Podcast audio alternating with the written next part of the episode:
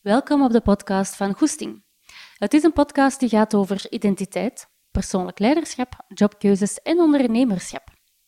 Vandaag gaat het gaan over overtuigingen, belemmerende gedachten en mindset en vooral ook hoe dat die zaken uw toekomst kunnen bepalen. Nu, waarom maak ik deze podcast? Heel simpel. Omdat dat een thema is dat bij heel veel klanten terugkomt en het is iets supermenselijk, want iedereen heeft bepaalde gedachten en overtuigingen. Maar soms zijn ze echt een pain in the ass, omdat ze ons ook soms keihard saboteren om te kunnen groeien, op bepaalde keuzes te kunnen maken. En om u te helpen om hiermee aan de slag te gaan, heb ik deze podcast voorbereid.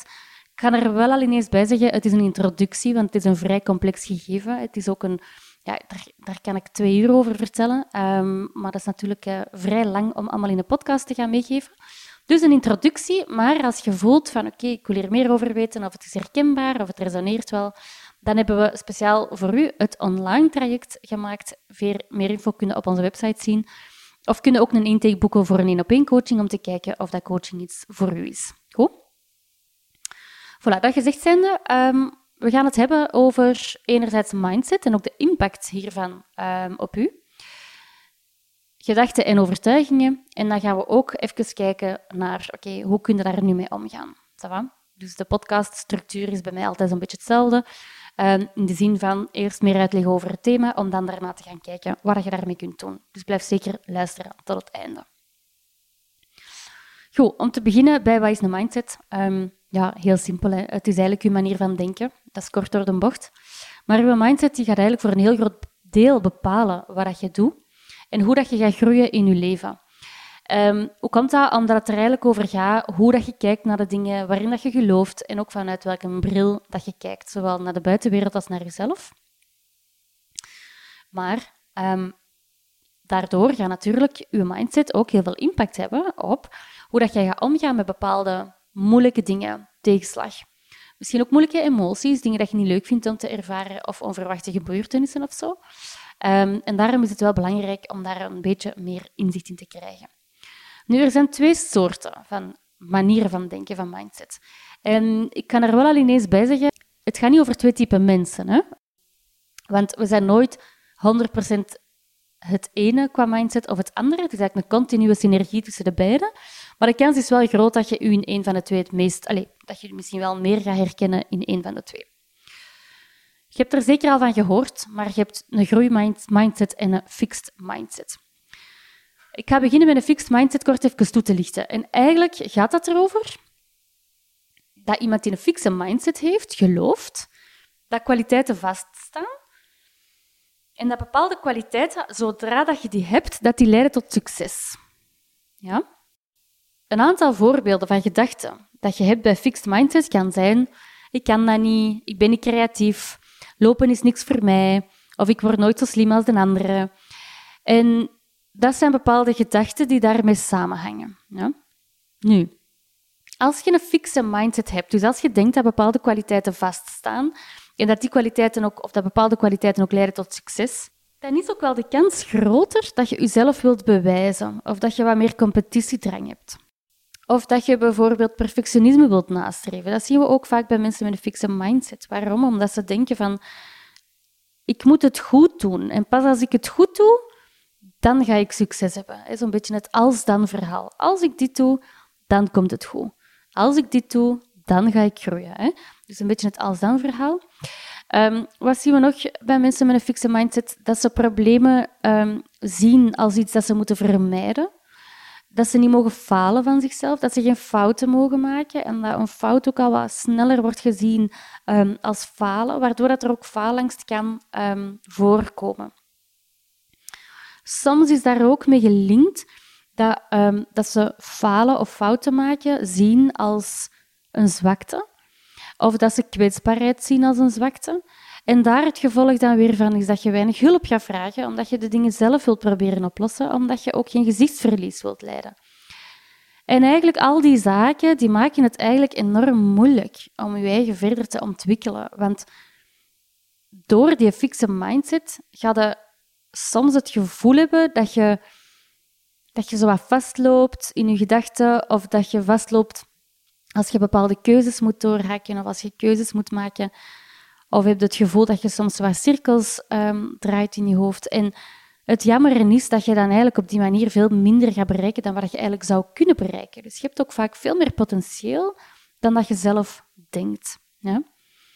En dat is kei jammer, want er is ook zoiets als een groeimindset. En een groeimindset zijn bijvoorbeeld gedachten zoals ik ben er nog niet, maar ik ben wel op de goede weg.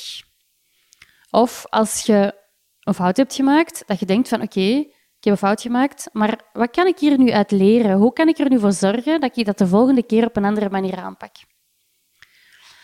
Of dat je ook meer gaat kijken van oké, het is niet gelukt. Ja, jammer, manier. Ik kan dat gewoon nog eens proberen en de volgende keer gaat dat beter lukken. En je merkt al in de voorbeelden dat eigenlijk een groeimindset veel meer gaat over het feit dat je gelooft dat je kwaliteiten niet per se vaststaan, maar dat je als mens ook nog kunt groeien. En zelfs als je bepaalde kwaliteiten hebt, dan nog dat je kunt groeien en dat je je kwaliteiten nog meer kunt gaan versterken. Doordat je dat hebt als mindset, dan gaat je er ook in geloven dat je kunt leren uit je fouten. En gaat je ook tegenslag veel minder als het negatief zien, maar gaat je dat veel meer zien als iets van oké, dat gebeurt. En ik ga proberen om daaruit te leren en ik ga er proberen mee aan de slag te gaan. Dat gaat er ook voor zorgen, die groeimindset, dat je controle iets gemakkelijker kunt loslaten, omdat je veel minder nood hebt aan dat controleren van bepaalde zaken, omdat je ook gewoon denkt van oké, het is allemaal een leerproces. Dan hebben we ook nog het voorbeeldje van die problemen, waar we er juist zeiden dat een fixe mindset veel meer gaat over het probleem zien als iets dat je moet vermijden, want dat is niet goed. Gaat iemand met een groeimindset een probleem veel meer zien als een interessante opportuniteit? En gaat dat er ook voor zorgen dat je veel meer fouten kunt maken, omdat je ook gewoon gelooft dat je daaruit kunt leren? En als we dan dat dan weer linken aan kwetsbaarheid, dan zie iemand met een groeimindset kwetsbaarheid veel meer als een kracht. Waarom? Omdat ze merken dat ze van daaruit kunnen groeien, dat ze meer kunnen bereiken hierdoor en dat ze ook gewoon door zichzelf beter te leren kennen, veel beter um, kunnen ontwikkelen als persoon. Goed? Dus uw mindset wordt enorm hard beïnvloed, heb je misschien al gemerkt in mijn voorbeelden, door uw overtuigingen en uw gedachten. En dat is eigenlijk de link um, met uw mindset, uw overtuigingen en uw gedachten. Eerst even gaan kijken naar uw gedachten. Wat is dat eigenlijk? Uw gedachten zijn eigenlijk letterlijk de dingen dat je denkt, de dingen die in je hoofd opkomen. Er bestaan belemmerende gedachten. Dat, zijn, dat wordt ook wel soms uh, uw innerlijke criticus genoemd. Maar je hebt dus enerzijds belemmerende gedachten, maar je hebt dus ook helpende gedachten. En de woorden zeggen het eigenlijk al zelf.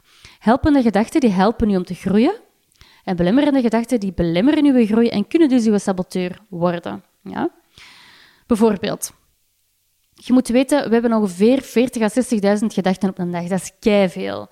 Maar een gedachte kan ook zijn, ik heb honger. Oh, maar dat is hier mooi. Oh, dat is een leuk interieur. Maar broer, ik heb het kou.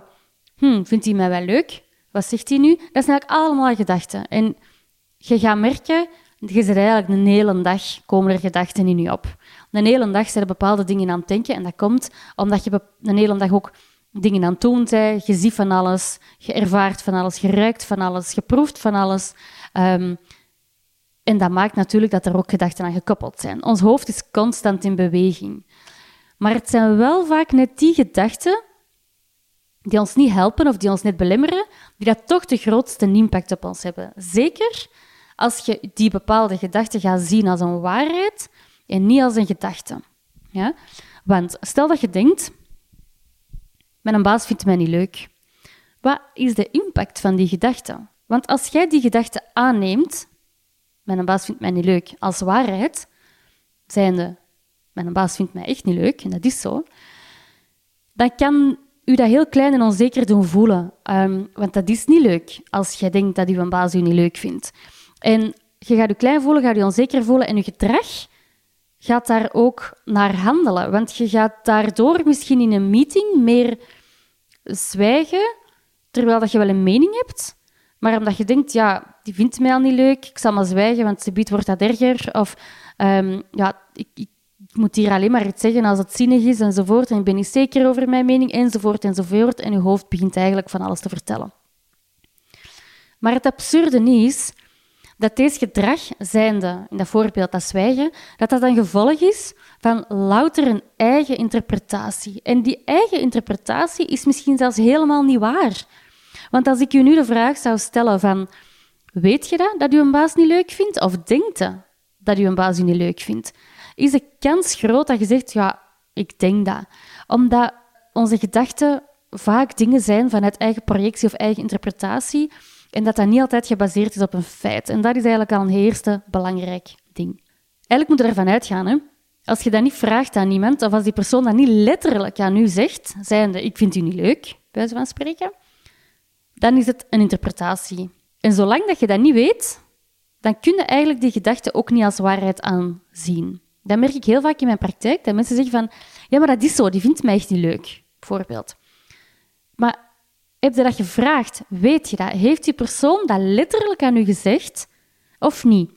Zo nee, dan blijft dat een eigen interpretatie. Goed? En je gaat merken dat als je hier bewuster mee gaat omgaan na vandaag, na die podcast, ga je echt merken dat je veel meer situaties zelf gaat interpreteren dan dat je weet dat ze waar zijn. Moet er maar eens op letten. Ik vond dat echt super ja, confronterend bijna, om dat eigenlijk te merken hoe vaak dat ik bepaalde situaties zelf interpreteer. Maar dus, terug naar die gedachten. Als je dan die bepaalde gedachten gaat geloven en dat je daarop gaat handelen, zoals in het voorbeeld, dan gaan die je tegenhouden om te groeien, want die gaan je tegenhouden ook om jezelf te kunnen zijn. En die gaan er eigenlijk voor zorgen dat je ook ergens onzeker over wordt en dat je je zelfvertrouwen, dat dat ook daardoor weer geïmpacteerd wordt. Dus eigenlijk, hoort het al, het is een mega negatieve spiraal, waar je soms heel moeilijk gaat uitgeraken als je niet gaat uitzoomen, enerzijds, of als je niet bewust bent van je eigen gedachten. Good news is, je bent deze podcast aan het beluisteren, dus je bent eigenlijk al een mega step uh, forward gegaan um, door te weten dat er bepaalde zaken zijn die maar gedachten zijn en niet altijd waarheid zijn. Daar kom ik zo op terug. Nu, ik heb helemaal op het begin van de podcast ook gesproken over overtuigingen. En eigenlijk zijn overtuigingen en gedachten mega hard gelinkt. Want een overtuiging is eigenlijk iets wat je gelooft. En het is vaak ook iets waar dat uw ouders in geloofden, uw leerkrachten van vroeger in geloofden, uw vrienden in geloven. Maar omdat je met die mensen ook het meeste omgaat, zeker als je jonger bent, gaan hun overtuigingen ook in uw gebakken zitten. Ja? Ik ga een aantal voorbeelden geven. Um, in school moesten we vroeger ons hand opsteken om te vragen of dat we iets mochten zeggen. En daardoor zijn wij dat zo gewoon en hebben wij eigenlijk nooit anders geweten, want zo werkt ons onderwijssysteem gewoon, is dat voor ons het normale en gaat zich dat ook zo uiten later in ons leven in een vergadering of op andere momenten. Ja? Maar eigenlijk staan we er niet meer altijd bij stil dat dat ook iets is dat gegroeid is vanuit de maatschappij of vanuit een bepaalde leerkracht die iets belangrijk vond of vanuit een bepaalde ouder die iets belangrijk vond. Want stel dat jij van thuis uit hebt meegekregen van jongs af aan dat niemand te vertrouwen is en dat je je ideeën voor je eigen moet houden, dan ga je deze ook misschien denken, effectief, en ga je ook zo in het leven staan, zonder erbij stil te staan van oké, maar vind ik dat zelf ook zo? Is dat mijn stem of was dat de stem van mijn ouders? Dat is zoals ik in de praktijk veel hoor, dat, um, dat mensen bijvoorbeeld zeggen van ja, maar ja, dat is kijk goed voor op mijn cv, of ik kan die job, dat is een goede job, want ik kan daar goed mee verdienen, enzovoort, enzovoort. En eigenlijk merken we dan van dat dat iets is dat ze van thuis hebben meegekregen, dat het van thuis uit belangrijk was om veel geld te verdienen. En dat is jammer, want dat zijn dan mensen die dan bijvoorbeeld, ik zeg maar iets, een job in de culturele sector willen doen of, um, of een andere sector waar dat de lonen misschien niet even hoog liggen um, als in andere sectoren, dan gaan ze daarover twijfelen, omdat ze denken van ja, maar ja, dat verdient niet genoeg en dat is niet oké. En dat is kei jammer, want op die manier gaat je eigenlijk keuzes gaan maken vanuit een overtuiging van iemand anders, maar niet per se vanuit je eigen overtuiging. En dat is uw challenge. Als er bepaalde zaken zijn dat je merkt, bepaalde overtuigingen die bij je terugkomen, ga eens na. Is dat mijn stem of is dat de stem van iemand anders? Is dat de stem van mijn ouders van vroeger? Is dat de stem van vrienden van vroeger, van leerkrachten van vroeger? Want dat kan zijn dat je dat nooit door had, maar dat je op latere leeftijd begint te botsen op bepaalde overtuigingen van vroeger bijvoorbeeld, en dat je er nu misschien niet mee eens bent. Of dat je nu misschien denkt van, Ja, maar ik vind dat misschien niet belangrijk om zoveel geld te verdienen. Ik zeg maar iets. Of ik vind dat misschien niet belangrijk om eerst mijn hand op te steken voordat ik iets moet zeggen.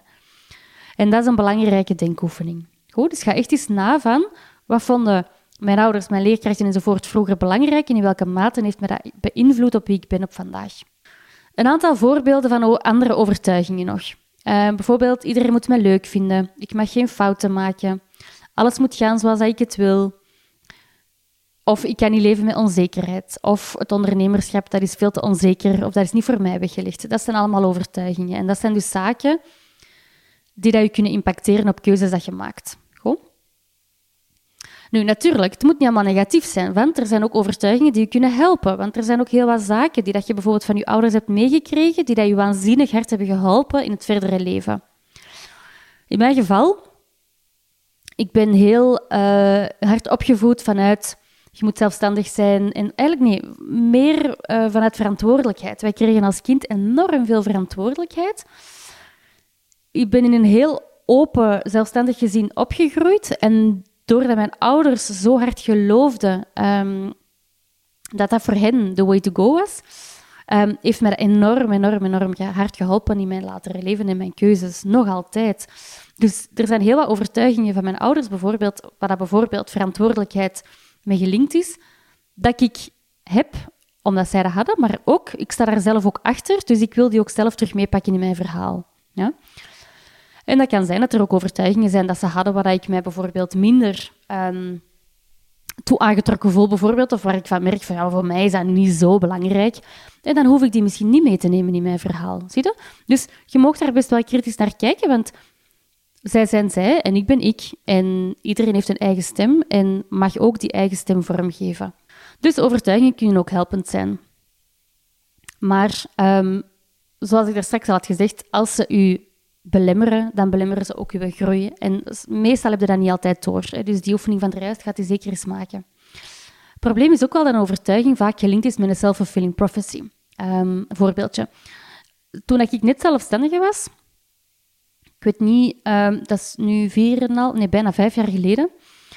Um, ik, heb ik heel even kort naar bedrijven gewerkt ook. En ik merkte dat ik heel hard met de overtuiging zat van, of de gedachten ook van, dat bedrijf gaat mij toch niet willen. Ik, ik, ben eigenlijk nog kei jong, zo die dingen. En ik maakte mij zodanig klein, letterlijk. Ik paste mijn houding daar ook volgens mij keert op aan, en mijn taal en, en mijn ja, lichaam, ja, lichaamshouding en, en attitude, dat dat ik ook gewoon zo overkwam. En daardoor was het, hoe moet ik dat zeggen? Daardoor kwam mijn self-fulfilling prophecy zeg maar ook gewoon uit. Of kwam mijn gedachten ook gewoon uit, maar dat is beter uitgelegd. We hebben nu gesproken over wat dat gedachten zijn, wat het de impact is van gedachten, wat dat overtuigingen en mindset zijn en ook daar wat het de impact daarvan is. Maar hoe kunnen we daar nu mee aan de slag? Om te beginnen, bewustzijn is echt al de grootste stap. Dus als je deze beluistert, dan zit je al heel wat verder. Dus dat is een good thing. Dus dat is keigoed. Um, bij mij was bijvoorbeeld bewustzijn echt de grootste stap in mijn proces, zeg maar, in, in mijn gedachten. Um, en nog altijd vandaag merk ik van dat ik mij heel vaak bedenk van oké, okay, Sophie, dus het is maar een gedachte. En dat brengt mij ineens tot het volgende. Eigenlijk gaat het ook heel erg over acceptatie. En dat klinkt nu kei logisch als ik dat zeg, maar het tegenovergestelde gebeurt super vaak. Ik zie elke dag mensen die dat onbewust um, hun gedachten onderdrukken, vermijden of wegduwen, zonder dat ze dat ook doorhebben. En dat is heel jammer, omdat je merkt dat ze daar ook echt op botsen. En dat kan zich uiten in verschillende zaken. Hè. Dat kan zijn doordat je bijvoorbeeld zegt van... Stel dat je een verhaal vertelt en dat je dan daarna denkt van... Ja, maar ja, dat is niet zo belangrijk, hè?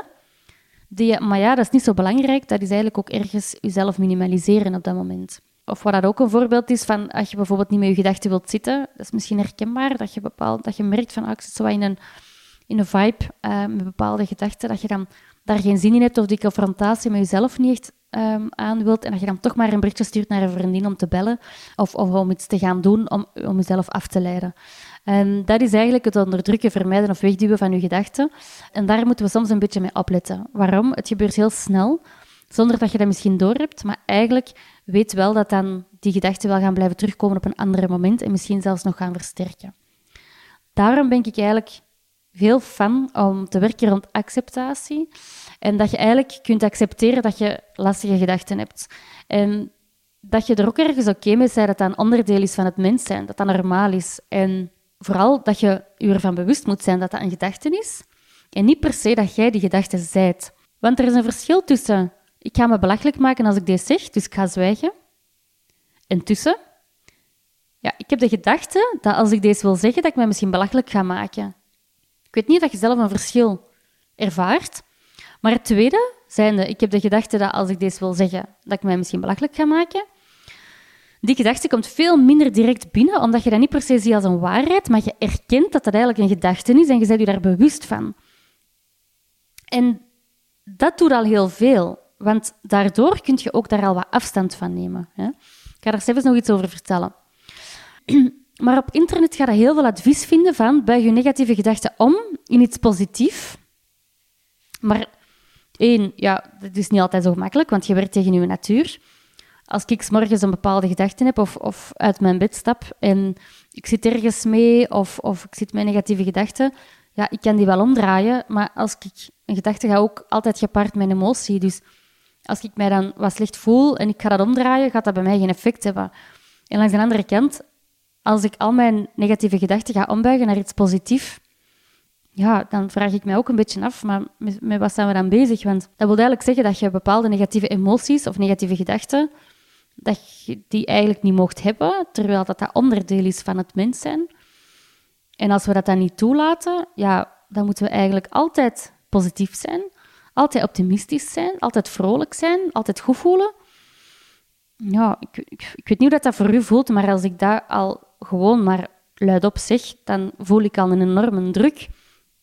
En voelt het voor mij al bijna niet oké om u een keer niet goed te voelen. En dat is eigenlijk echt niet de bedoeling. En dat wil niet zeggen dat je nu altijd in een slachtofferrol moet gaan kreppen. Hè? Ehm, van, ik voel me niet goed en ik, ik moet hier blijven hangen, want ik, ik moet in mijn gedachten blijven zitten. Nee, helemaal niet. Maar het is wel belangrijk dat wat dat je met je gedachten gaat doen. Dus stap 1 is eigenlijk erkennen dat je die gedachte hebt. Stap 2 is accepteren dat die gedachte er is, zijnde van ja, ik heb die gedachte en dat is ook wel oké of zo, zonder dat ik die moet wegduwen of onderdrukken. En stap 3, en dat is een hele interessante, van oké, wat doe ik hier nu mee? Um, persoonlijk voorbeeld. Ik heb soms de gedachte, als ik tussen allemaal mensen zit die heel veel humor hebben, heel veel energie, heel enthousiast zijn, heel veel babbelen, dan merk ik bij mezelf dat ik denk, maar ik voel me echt kei saai. Waarom zou iemand nu met mij praten? En vroeger had ik minder door dat deze mijn gedachten waren en dan ging ik eigenlijk dat gewoon wat negeren wat ik aan het denken was en ik ging gewoon mee in hun flow of, of mij proberen anders voor te doen. Maar ja, je, hoort ook al, dat is, dat is echt niet de goede manier, want je gaat eigenlijk tegen je natuur werken, ga jij veel energie kosten en je bent eigenlijk ook dan op dat moment helemaal niet wie dat je zei. En nu probeer ik dat anders aan te pakken. Ehm, als ik nu die gedachte heb, want pas op, die, die komt echt nog wel vaak. Hè. Ehm, dat is iets dat bij mij best wel, wel veel naar boven komt. Um, en ik probeer me nu gewoon bewust te zijn van die gedachten. En dan denk ik van, oké, ik heb die gedachte nu, wat ga ik er nu mee doen? En dan ga ik proberen kijken van, oké, zit er iemand naast mij om een gesprek mee aan te gaan, in plaats van in de groep van alles te gooien, bijvoorbeeld. Dan ga ik op, een, op mijn manier ga ik proberen om om te gaan met die gedachten, of op zijn minst om, om van die avond of van dat moment bijvoorbeeld, er voor mijn eigen wel echt iets, iets leuks van te maken, in plaats van in mijn gedachten te gaan zitten. Snap je? En komt er eigenlijk op neer van, soms focussen we, focussen we zo hard op de andere dat we niet meer focussen op ons eigen. En dat gaat ook bepaalde oordelen over je gaan versterken. Want als je denkt, ik kan dat niet, en je gaat dan nog eens kijken naar hoe, hoe iedereen het wel kan en hoe dat iedereen dat aanpakt, ja, dan gaat dat alleen maar je gedachten versterken aan onkunde. Snap je? Dus ga altijd bij je eigen gaan kijken van oké, hoe kan ik hier nu mee omgaan, los van de rest. En dan komen we ook een stukje bij waarden, want ook waarden gaan hier een hele grote rol in spelen. In mijn voorbeeldje, mijn, een van mijn hoofdwaarden is eigenheid. En als ik bepaalde gedachten heb, bijvoorbeeld, ah, ik voel me saai of zo, in plaats van daarop te gaan handelen en mij anders te gaan voordoen, kan ik mij ook bedenken van, ja, oké, wacht dan zo, maar je vindt eigenheid superbelangrijk, dus oké, blijf gewoon dicht bij jezelf en ga je niet anders voordoen. En dat helpt wel. Ehm, dus in dit verhaal zou ik je ook al willen challengen op de vraag van oké, wat zijn uw waarden? Wat vind jij belangrijk in het leven? Waar wil jij voor staan als persoon? Want als je dat weet, dan heb je eigenlijk ook wel een intern kompas om bepaalde keuzes te maken, maar ook als je bepaalde negatieve gedachten hebt, om daar wel mee te leren omgaan. En je gaat merken, dat maakt het echt wel gemakkelijker als je waarden gaat gebruiken. Als je daar meer over wilt weten, dan hebben we een online traject waar ik er juist al over sprak, dat je hierbij kunnen helpen, want dan gaat het je waarden ook heel goed kunnen leren kennen. Cool? En dan komen we tot een volgende van, oké, leer voelen. Wat vertelt uw lijf? Wat zijn uw lichaamssignalen? Want ik heb er al over gesproken in andere afleveringen, maar we zijn onderweg een beetje vergeten te voelen, merk ik, omdat we zo gefocust zijn op ons denkvermogen en omdat we zo gefocust zijn op het cognitieve. Maar wat je hoofd vertelt en wat je lichaam vertelt, kan echt wel iets anders zijn. Want stel dat je op een etentje zit en je wilt eigenlijk wel iets vertellen, je voelt dat, maar je durft niet omdat je hoofd je aan het zeggen is van maar allee, wat ga jij er nu over zeggen? Of ja, ja, je gaat dom overkomen. Of ja, weet er wel genoeg van enzovoort. Waardoor dat je dat misschien niet gaat doen. Maar als jij een mening hebt of iets wilt vertellen, waarom zou je dan belachelijk maken? Wie zegt dat dan? Wie oordeelt hier dan over wie? Eigenlijk zet jij dat dan zelf die oordeelt over jezelf. Zie je dat? Of een ander voorbeeld is dat je bijvoorbeeld op een feestje zit en je blijft eigenlijk gewoon dat feestje plakken, omdat je eigenlijk wilt dat anderen je leuk vinden, want je hebt die gedachte van, ja, ik wil niet dat ze mij niet leuk vinden, of als ik nu doorga, gaan ze mij niet leuk vinden. Dus je blijft. Maar eigenlijk kost je dat veel energie, want je wilt naar huis en je bent eigenlijk gewoon super moe, je wilt gewoon gaan slapen. Dan kan het ook wel helpen om echt te gaan kijken van, oké, wat zegt mijn lijf? En ik kan dat als prio nemen, want heel vaak zegt je lichaam je veel meer over wat je nodig hebt dan je hoofd. En daarom kan je lichaam echt een keigoed kompas zijn, maar je moet er wel naar luisteren. Um, dat is zoals ik ook heel vaak merk, dat mensen... pas op, ik hoor daar zelf eigenlijk... Ik kan dat nu wel zeggen, maar ik hoor daar zelf ook wel af en toe bij. Zo, van blijven gaan, blijven gaan, um, heel veel werken... Um, ook uit een enthousiasme, maar ook omdat je eigenlijk je lichaamssignalen aan het negeren bent en omdat je misschien denkt van, ja, maar ja, kan dat er toch nog bij doen, want anders ga ik het misschien afgeraken, of goh, ja, ga ik het einde van de maand wel halen, en enzovoort, enzovoort. Je hoofd is al van alles aan het vertellen voordat je nog maar iets kunt, um, kunt doen, en je bent eigenlijk aan het vergeten om te luisteren naar je lichaam. En daarom is dat zo belangrijk. Dus ook dat, probeer jezelf echt te challengen om te gaan leren voelen wat dat je lijf je vertelt. Goed? Oké, ehm, even een recap. We hebben gesproken over wat is mindset, gedachten en overtuigingen en wat is de impact ervan. En dan heb ik u drie grote clusters meegegeven um, om hiermee om te kunnen gaan. Eén, bewustzijn. Dat is eigenlijk al hetgeen wat je vandaag hebt gedaan. Twee, acceptatie. En hoe kun je dat doen? Door um, te erkennen dat je die bepaalde gedachten hebt Um, door dat ook te accepteren en te zeggen van oké, ik heb die gedachten, maar wat doe ik daar nu mee? Ja, dat je daar ook kritisch naar gaat kijken. Uh, we hebben ook gesproken over waarden, dat als je waarden kent, dat je dat ook kan helpen om um, om te gaan met je gedachten. En dan hebben we ook gesproken over het luisteren naar je lijf. Want hoe meer dat je luistert naar je lijf, hoe beter dat je ook kunt omgaan met je gedachten. Als je hier meer over wilt weten of je hebt vandaag heel veel dingen herkend, Laat het mij zeker weten wat je ervan vond. En als je daar zelf ook nog verder aan wilt werken, want ik had al gezegd, dit is een introductie. Um, als je er zelf aan wilt werken, dan kun je zeker op onze website kijken naar het online traject of ook naar een intake dat je kunt inboeken voor te kijken of één op één coaching iets voor u is. En dan helpen wij u kei graag voort.